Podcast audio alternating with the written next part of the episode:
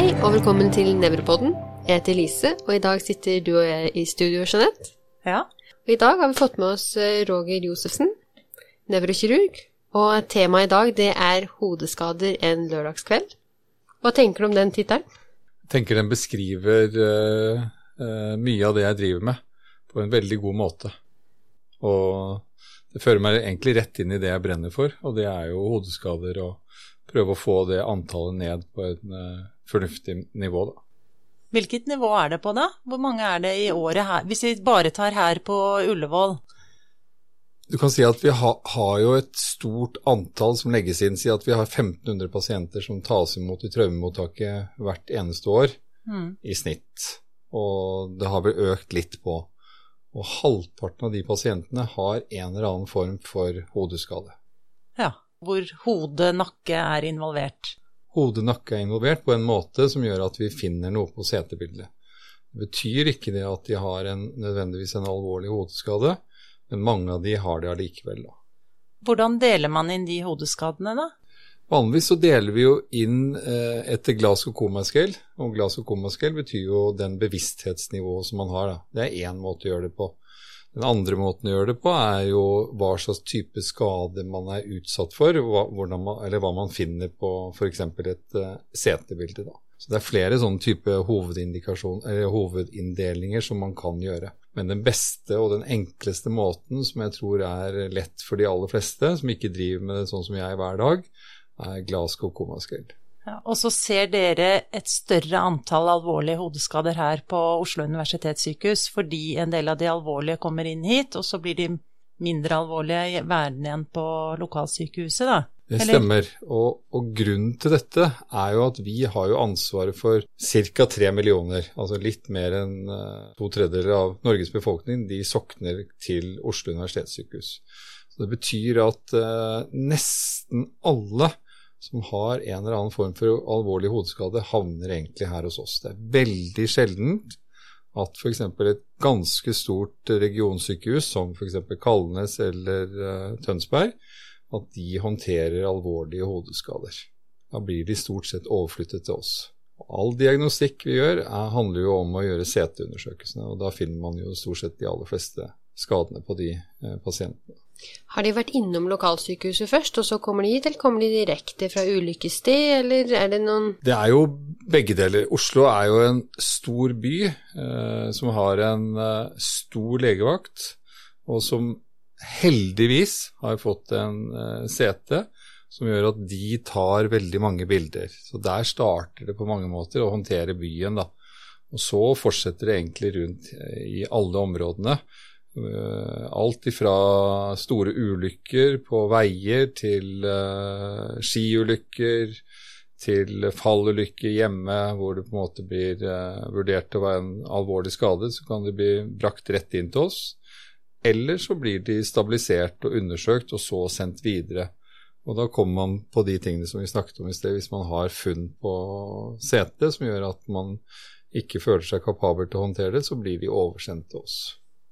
Når er det de kommer inn, da? Altså hvilket tidspunkt på døgnet og hvilken dag i uken er det, det dere ser flest? Det er jo veldig interessant det du sier der, at eh, sykehuset består jo, eh, er jo egentlig en sånn hverdagsting, da. Og hverdagene er jo for mange, da, fra mandag morgen klokken syv til fredag eh, klokken fem. Men det er egentlig da aktiviteten for oss som jobber med hodeskader, starter. For det største antallet som kommer til dette sykehuset med hodeskader, er natt til lørdag og natt til søndag. Ja, så det er ganske riktig å kalle det hodeskader en lørdag, lørdag kveld eller en fredag kveld, da. Jeg syns det er en veldig god beskrivelse av det, og, og det vi ser, at mange av disse pasientene kommer jo fra alle disse områdene hvor vi på en måte håndterer eh, pasienter, og mange av disse pasientene har jo dessverre, eller er dessverre påvirket av alkohol, som gjør at man kan da få en, ikke nødvendigvis en større skade, men vi, vi ser at mange av de er påvirket av alkohol. Mm, Eller en unødvendig skade, kanskje. Det det er jo veldig vanskelig å si at en ting er unødvendig når du bruker et lovlig middel, da. Men, Ja. men det er klart det at eh, prøv selv å ta balansetesten før du går på byen, og når du kommer hjem, så skjønner jo alle det at det er jo ikke alltid så lett, da. Å balansere enten om det er opp en trapp eller ned en trapp. Så vi forstår jo at uh, mange av disse pasientene våre faller jo da enten ned en trapp eller snubler hjemme. Så det er jo ikke nødvendigvis at det er de store bilulykkene som uh, er det som er, vi er mest preget av nå i dag. Mm. Det vi er mest preget av, er jo pasienter som faller enten hjemme eller ute. da. Ja, Så kan du ikke bare gi oss et sånn lite overblikk over hvorfor får man hodeskader? Det enkleste måten å, å, fortelle om det, det er egentlig å gå en tur ut på byen. Ja. Gå ut en tur på byen, og vær ute en dag når det er glatt. Da ser du jo selv hva som kan skje. Du snubler eller sklir og faller over ende, og så smeller du hodet i bakken. Det er jo på mange måter en veldig beskrivende måte. Og det er jo da folk egentlig ikke helt skjønner at ja, men kan det være så alvorlig? Mm, så fall fra egen høyde? Fall fra egen høyde, det er jo den største største og den viktigste årsaken til hodeskader som vi ser hos oss. Mm. Man tenker jo liksom at det er snowboarderne eller at det er de som gjør de mest ekstreme tingene. Vi tenker jo egentlig at en hodeskadepasient, det er jo en uh, mann mm. mellom 20 og 25 som enten har kjørt en eller annen bil eller motorsykkel eller sykkel og krasjet med det. Ja. Men det er bare deler av sannheten. Så den største gruppen er fortsatt de som faller fra egen høyde. Og er litt eldre. Eller? Og er litt eldre, så gjennomsnittsalderen er jo opp mot 50 år. Sparkesykler, da, så dere Det var jo mye om i media. Sparkesykkel er jo noe av det mest tragiske vi vet om, og det var jo en av de grunnene til at vi måtte gå ut så sterkt i uh, fjor sommer og mm. snakke om disse tingene. For det, det, er jo klart at det er jo et transportmiddel som på en måte man gjorde en så stor frislipp på, at vi så at det var, det var nesten så at det var uh, på grensen til uh, galskap i samfunnet. Fikk det ikke en betydelig økning av pasienter inn med hodeskader? Ja. i de... Og igjen knyttet til både bruk av sparkesykkel og påvirket alkohol. Og spesielt i de sene nattetimene. Det Hovedgruppen her er påvirket av alkohol, men er det andre rusmidler som dere oftere ser hos eh, de med hodeskader? Vi ser jo egentlig et tverrsnitt av befolkningen, er egentlig det vi ser, da. Det er mer riktig å si det. Det er ikke, det er ikke liksom én type rusmidler som er veldig utpreget hos uh, hodeskadepasientene. Vi ser egentlig alle disse pasientene. Eller alle gruppene som er påvirket av alle mulige slags medikamenter. Da. Kan ikke du gå igjennom eh, med oss, da? Hva er det som skjer fra pasienten kommer inn døra? Når pasienten kommer inn uh, til oss, så står det alltid et team klar. Så fremt man har fått beskjed om at det er noen inn, på vei inn. Og da er det jo enten fra et skadested eller fra et annet sykehus, så blir de flyttet over til oss. Og da får man eh, beskjed om eh, hva har skjedd, hvilken pasient er det, hvilke andre sykdommer har den, eh, bruker den spesielle medisiner, til at man får beskjed om at man har ingen identitet, vet ikke hva som har skjedd, funnet bevisstløs. Men til syvende og sist så ender man opp med en katalogisering ut ifra Glasgow Coma Scale. Og Det betyr at man gjør en vurdering på skadestedet før man transporterer over til oss av uh, språk, motorikk og øye. Og På den måten så får man da en totalsum som ligger mellom 3 og 15. Og Det betyr at har man en komascore som er lavere enn 9, så kommer de aller fleste pasientene intubert til oss. Så det betyr at de har sikret sin uh, O2, eller sin, uh, sine luftveier, som egentlig er noe av det viktigste man gjør på alle traumepasienter. Og da tas det imot av traumeteamet, som består av dere? Som består av Jeg vil heller snu på det. Vi er ikke den som leder det teamet, men det ledes av en teamleder. Og der har man med seg alle de spesialitetene som måtte trenges, og radiolog, radiograf, anestesisykepleier, eh, anestesilege, og så tilkaller man alle de spesialitetene som det er behov for. Og vi er en av disse spesialitetene som eh, nesten møter opp alltid på, på disse, disse uh, utkallingene. Så la oss si at eh, pasienten har ikke noen traumer andre steder. Det er en ren hodeskade. Hva er det vi ser da? Alt fra subdurale hematomer, ja. epidurale hematomer, hvis du kunne dra oss igjennom. Hvor, mm. Hvor ser dere skaden mest? Jeg tenker at vi, vi snur litt på det, ja. og så tar vi hele pasienten inn når den kommer inn gjennom døren. Så får vi ofte meldt at det, det er, er, en pasient som har vært uh, funnet, f.eks. Uh, et eller annet sted, og er bevisstløs. Da blir den håndtert på stedet og transportert til oss. Og når den kommer til oss, så kan du se ut sånn som deg og meg. Altså ingen tegn til noe ytre skader i det hele tatt, til vanvittige store skader, ikke sant, hvor det har på en måte kuttet opp huden, kraniet kan være sprukket, det kan være åpent, du kan se hjernemasse tyte ut. Så her er det alt fra ingenting til store ytre skader. Og da tas pasienten imot og stabiliseres A før B før C, og så kommer vi. Og da er pasienten klar for videre undersøkelser, og da er det bilde av hodet og nakke som hører med, hvis det er en ren hodeskade. Er det bare CT? Bare CT. Ja. Da bruker vi bare CT. Og hos oss så ligger det denne vegg i vegg. Så det er kort tid, kort stabilisering, kort tid til CT, bang, ferdig. Og da er det først og fremst blødningene man er ute etter å se etter? Eller? Og da ser man CT viser veldig godt brudd og brudd. blødninger. Brudd og blødninger. Det er, liksom det, det er arbeidshesten vår, og det, den jobber veldig fort, den CT-maskinen. Slik at da står vi ved siden av der sånn, og så bestemmer vi. Ikke sant? Når vi har gjort ferdig diagnostikken, så er det da vurdering hva gjør vi nå?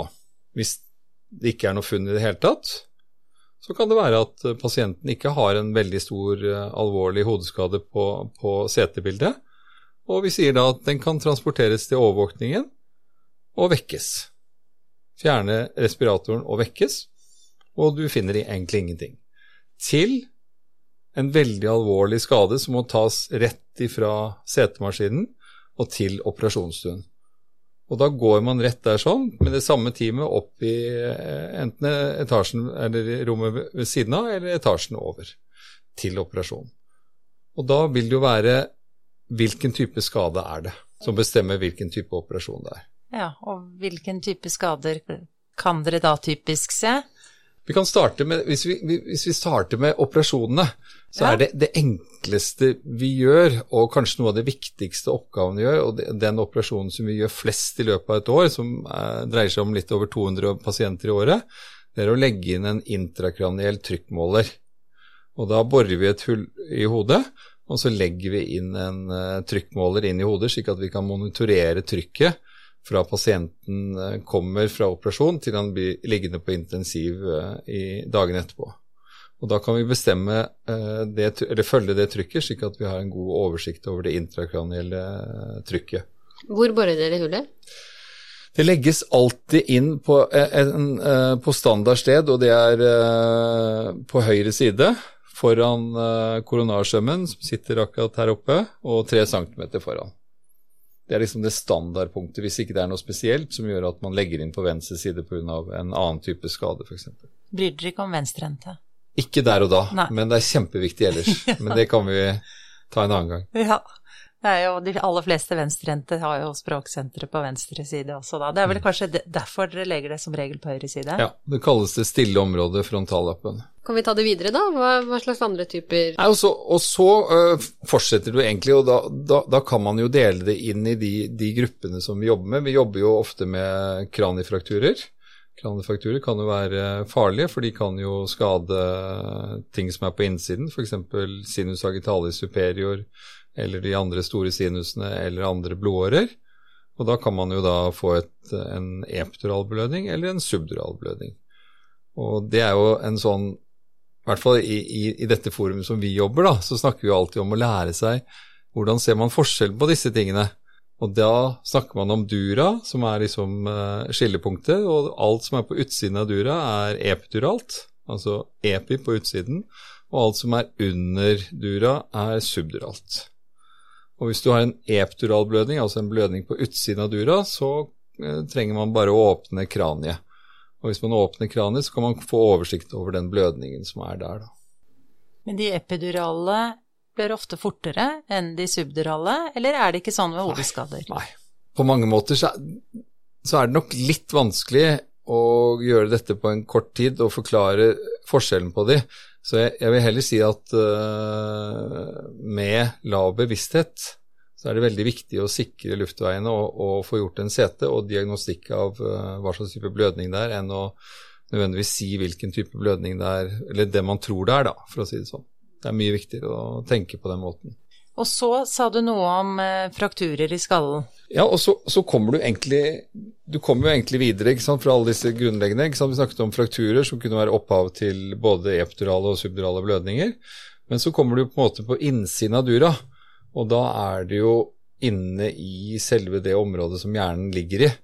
Og det er jo på en måte de store og omfattende skadene som man kan få da hvis man får en type blødning som gir både blødning i hjernevevet eller har en stor uh, kranifraktur eller en kranibrudd som gjør at du får en stor skade av selve hjernevevet.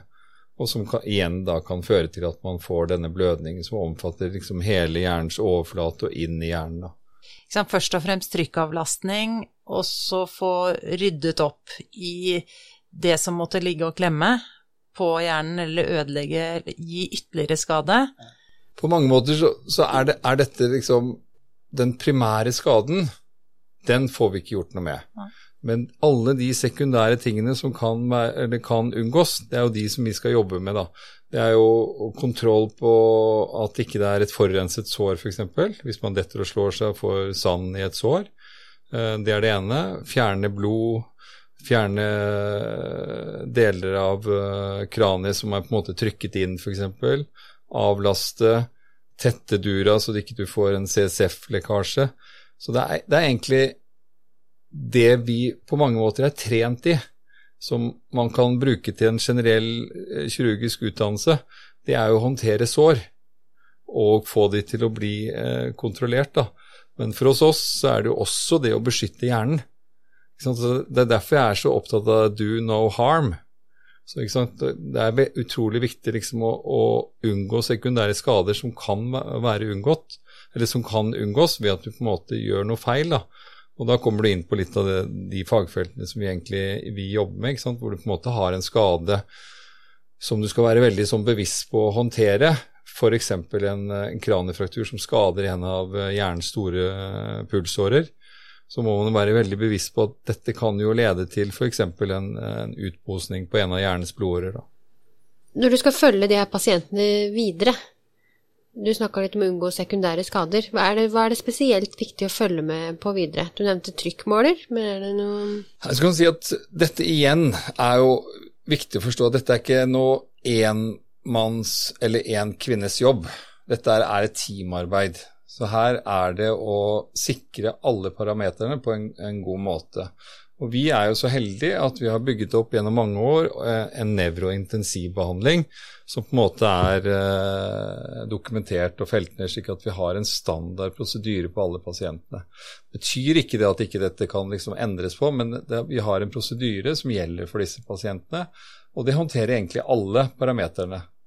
Både hvordan de skal ligge, hvordan de skal håndteres, eh, hvilke medikamenter som er de beste, hvordan man skal stelle disse pasientene. På alle mulige områder så har vi eh, gode prosedyrer for det. Og samtidig så er vi en, en gruppe med mennesker, eller en gruppe med ansatte som jobber akkurat med denne gruppen i en dedikert avdeling.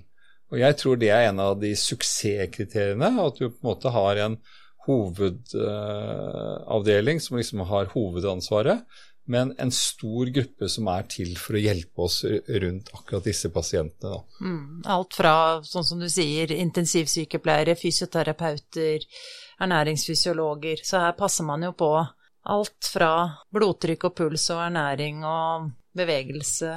På mange måter så, så foregriper du, du, det litt, fordi at uh, først så er det jo litt tilbake til det som vi snakket om. Nå er vi liksom ferdig med operasjon, og vi har sikret pasienten at den er på en måte stabil på alle mulige områder. Da er jo vi opptatt av ro.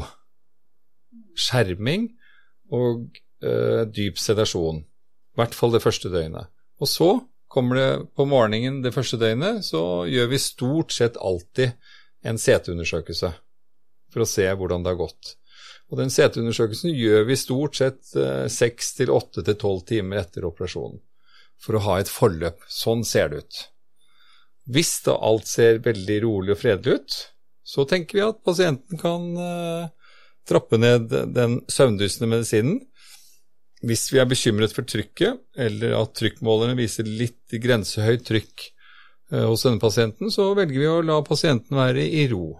Så derfor kommer alle disse stadiene som du snakker om, de kommer helt individuelt, helt avhengig av en type skade du har, og hvordan setebildet ser ut på dag nummer 1, 3, 5, 7, 30. Individuelt tilpasset helt avhengig av pasienten. Ikke en sånn type standard da, som er tre dager, og så er du ferdig. Nei. Du nevnte noe om liggestilling. Noe, hvordan bør det ligge? Nei, vi, vi, har jo en veldig sånn standard prosedyre for det også. Det er at de ligger på ryggen, kan snus fra side til side og har hodet hevet 30 grader. For det mener vi er den veldig korrekte måten å ligge for en pasient uten at du får uh, stase av uh, venene, slik at du ikke får avløp av blod. da. Og så nevnte du noen medikamenter som dere bruker på de her pasientene. Kan du vi si har, noe om dem? Vi har, vi har, korttidsvirkende og langtidsvirkende. Og de som skal ligge lenge, der bruker vi de langtidsvirkende medikamentene. Og de som vi skal ha kort tid, altså et døgn eller mindre, de, da bruker vi de korttidsvirkende. Så du snakker om sederende medikamenter? Korttidsvirkende og langtidsvirkende? Ja. ja det... Og så har vi jo noen som vi bruker når trykket er veldig høyt og det er f.eks.? Pentotal, som er liksom det mest søvndustende som gjør at man får egentlig et isoelektrisk eh, EG, da, som er målet, egentlig. At de er ja. eh, dypt, dypt sedert. Den dypeste søvnen man kan få til da med medikamenter. Da skjønte jeg. Tar dere MR noen gang i forløpet? Og så kommer du jo inn på det som uh, Jeanette sa i sted, at uh, er pasienten stabil nok, så slippes de opp. Og på den måten så kan vi jo da vurdere pasientene nevrologisk og finne ut om er den nevrologisk intakt, ja eller nei. Hvis den ikke er det, så vil vi jo iverksette tiltak i forhold til de utfallene har. Så hvis pasienten f.eks. har uh, språklige utfall da, eller motoriske utfall etter en uh, hodeskade, så vil vi iverksette tiltak i forhold til det. Og det er der jeg mener at dette teamet er så viktig. For vi har litt av det samme teamet som vi har for uh, ryggmargskader, så har vi det samme teamet for hodeskader. Og det går på tidlig rehabilitering. Så vi, vi starter med rehabilitering tidlig når de er stabile nok til det. Og når de er stabile nok til det, så kommer alle disse gruppene som du snakket om, som er superviktige, da. Mm. Så igjen så er Hvem jeg så Hvem er de, da? Nei, det kan jo f.eks. være en fysioterapeut, det kan være en ergoterapeut, det kan være andre grupper som kommer og hjelper oss på, på overvåkningsstuen, da. Ja, for å få pasientene i gang. For å få pasientene i gang på alle ja. mulige måter, så at ikke de ligger uh, uten at de blir stimulert hvis de er stabile nok til det, da. Hvor lenge pleier de å ligge hos dere før de flyttes videre? Hvis du snakker om de mest alvorlige, alt ifra én uke til uh, ja, mange, mange, mange dager, egentlig. Flyttes de oftest tilbake til lokalsykehus eller til rehabiliteringsavdelinger? Hvis de har en alvorlig hodeskade, så er det et pasientforløp som er optimalt, og det er fra oss til fysikalsk medisin og til Sunnaas. Jeg hadde et tilleggsspørsmål. Det, det, jeg lurte på, er diffus aksjonal skade. Vurdering av det. Har det en sentral rolle i det forløpet her, eller ja. det og, det og akkurat det der, da kommer du inn på det som nevntes nevnte i sted, er jo MR. Og MR er uh, ikke veldig viktig i den uh, tidlige diagnostikken, så fremt at ikke vi ser at det er veldig, veldig alvorlige små skader som f.eks. rammer hjernestammen. Og Hvis vi ser det, så, og pasienten er stabil nok, så tar vi de tidlig til MR. Ellers så er MR viktig for å se etter alvorlige skader, sånn som det der. Dyp aksonal skade. Men det er en MR-beskrivelse. Bare så at ikke vi ikke blander disse tingene. Fordi at uh, man katalogiserer igjen disse dype aksonale skadene fra 1 til 3. Og så tror man at liksom tre er uh, alle de vitale strukturene, sånn som hjernestammen f.eks., og så tror man at løpet er kjørt. Men igjen så er det bare en MR-beskrivelse av, av, disse bildene. Og det har ikke noe med hvordan pasienten egentlig er, men vi kan mistenke da at de har noe. Og svaret får vi igjen ikke før, da, hvor vi har gjort en klinisk undersøkelse av pasienten, hvor all sederende medikamenter er ute av pasienten, og da kan vi på en måte stille en diagnostikk. Og jeg kan love deg at uh, både pasienten og pårørende og vi har vært veldig glad når pasienten har vært helt våken, selv om MR-beskrivelsen har vært veldig alvorlig. Jeg kalte det diffus aksjonal skade. Helt riktig. Vi snakket litt om Vi ønsker jo det tallet ned. Vi ønsker jo ikke at noen skal få hodeskade. Det er enkelte ganger uunngåelig, men mm. Hvordan skal vi unngå det? Og det enkle er ofte det beste, da. Ikke sant? Det er jo litt sånn som vi for så vidt har jobbet uh, foreldre har jobbet, samfunnet har jobbet med dette her. Det er jo å sikre veiene, f.eks. Jeg jo, har jo jobbet der så lenge, så jeg har liksom vært vant til at uh, 20-30 døde på vei til Tønsberg eller på, på, vei til Sørlandet. De er jo helt borte etter at vi fikk firefelts veier. Østfold, ikke sant? det var jo 20 stykker som døde hvert eneste år. De, det er jo nesten ikke ulykker derfra i det hele tatt. Så vi ser at akkurat den type ulykker faller hvert eneste år. Det som vi er bekymret over, var jo litt tilbake til som du spurte om, Lise. Det var jo disse sparkesykkelulykkene. Og etter hvert har vi fått alvorlige elsykkelulykker. Og så har vi fortsatt en god del ulykker hjemme. Hvor man på en måte snubler i en trapp eller uh, snubler i et teppe. Som vi har en, en lang vei å gå fortsatt. Men vi har jo jobbet mye med sykkel og hjelm. Ja, ikke sant. På, bruk nøtta, på med bøtta. det er jo veldig godt. Det, det, er superviktig, akkurat den biten der, sånn at vi har sånn mm. bevisst forhold til det. Hvis vi f.eks. går til um, Hemsedal, så ser du jo nesten aldri lenger folk som kjører slalåm uten hjelm. Nei, det er sant. I helgen sant. så traff jeg én eller to, og det var nesten så at jeg gikk bort til dem og sa at uh, det der var vel ikke så veldig fornuftig, men jeg, jeg har funnet ut at det er ikke noe særlig lurt, da. Det, det er en del tiltak vi kan gjøre, og det er en del vi har gjort. Men dette tilbake til lørdagskveld, da? Lørdagskveld, det, det, tror jeg er uh, på mange måter uh, et mye verre tema for oss som doktorer å gjøre noe med. For at vi mm. har tross alt et lovlig eh, rusmiddel, som er alkohol. Og det er klart at jeg skal jo ikke si det at de nødvendigvis får en mer alvorlig skade enn de ikke hadde fått, men det er klart at den andre siden av det med andre typer rusmidler som vi ser, Uh, vi ser mye vold, f.eks. Det, er, det er jo en del av disse tingene som vi kunne ha gjort mye med. da. Og der tror jeg samfunnet vårt har fortsatt en lang vei å gå. da. Vi jobber jo mest på mm. mange måter natt til lørdag og natt til søndag. Og det er jo fordi at det er jo da samfunnet vanligvis har vært preget av det vi har sett. Mens og det er jo da du egentlig burde eh, komme med et spørsmål. Ja, hvordan har det vært nå i koronaen? Ja, det er det jeg sitter og venter på. så du, du, burde sagt det. Ja. Og da kan jeg svare deg med en gang ja. at svaret er litt nedgang på disse tingene i mars 2020, og så helt normalt. Så det folk, de holder på? De holder på uansett. Det, det, og, og, og, da blir jo liksom med en gang Ja, men da kommer du sikkert med et oppfølgingsspørsmål. Ja. Hva, hva, bør vi egentlig gjøre da? Ja, det, og jeg tror vi har kommet ganske langt ned. At det er, det er ikke veldig mye til vi får gjort, da. Med, med unntak av uh, kanskje litt mer uh, tanker om disse tingene hjemme, f.eks. et teppe som ikke burde vært der. Hos eldre som faller hjemme, f.eks. Vekk med filleriene? Uh, jeg syns at det er uklokt å være 80 år og ha filleryer. Da er vi enige om det. Det er egentlig en fin avslutning. Det er egentlig det. Tusen hjertelig takk for at du kom. Kjempehyggelig å være her.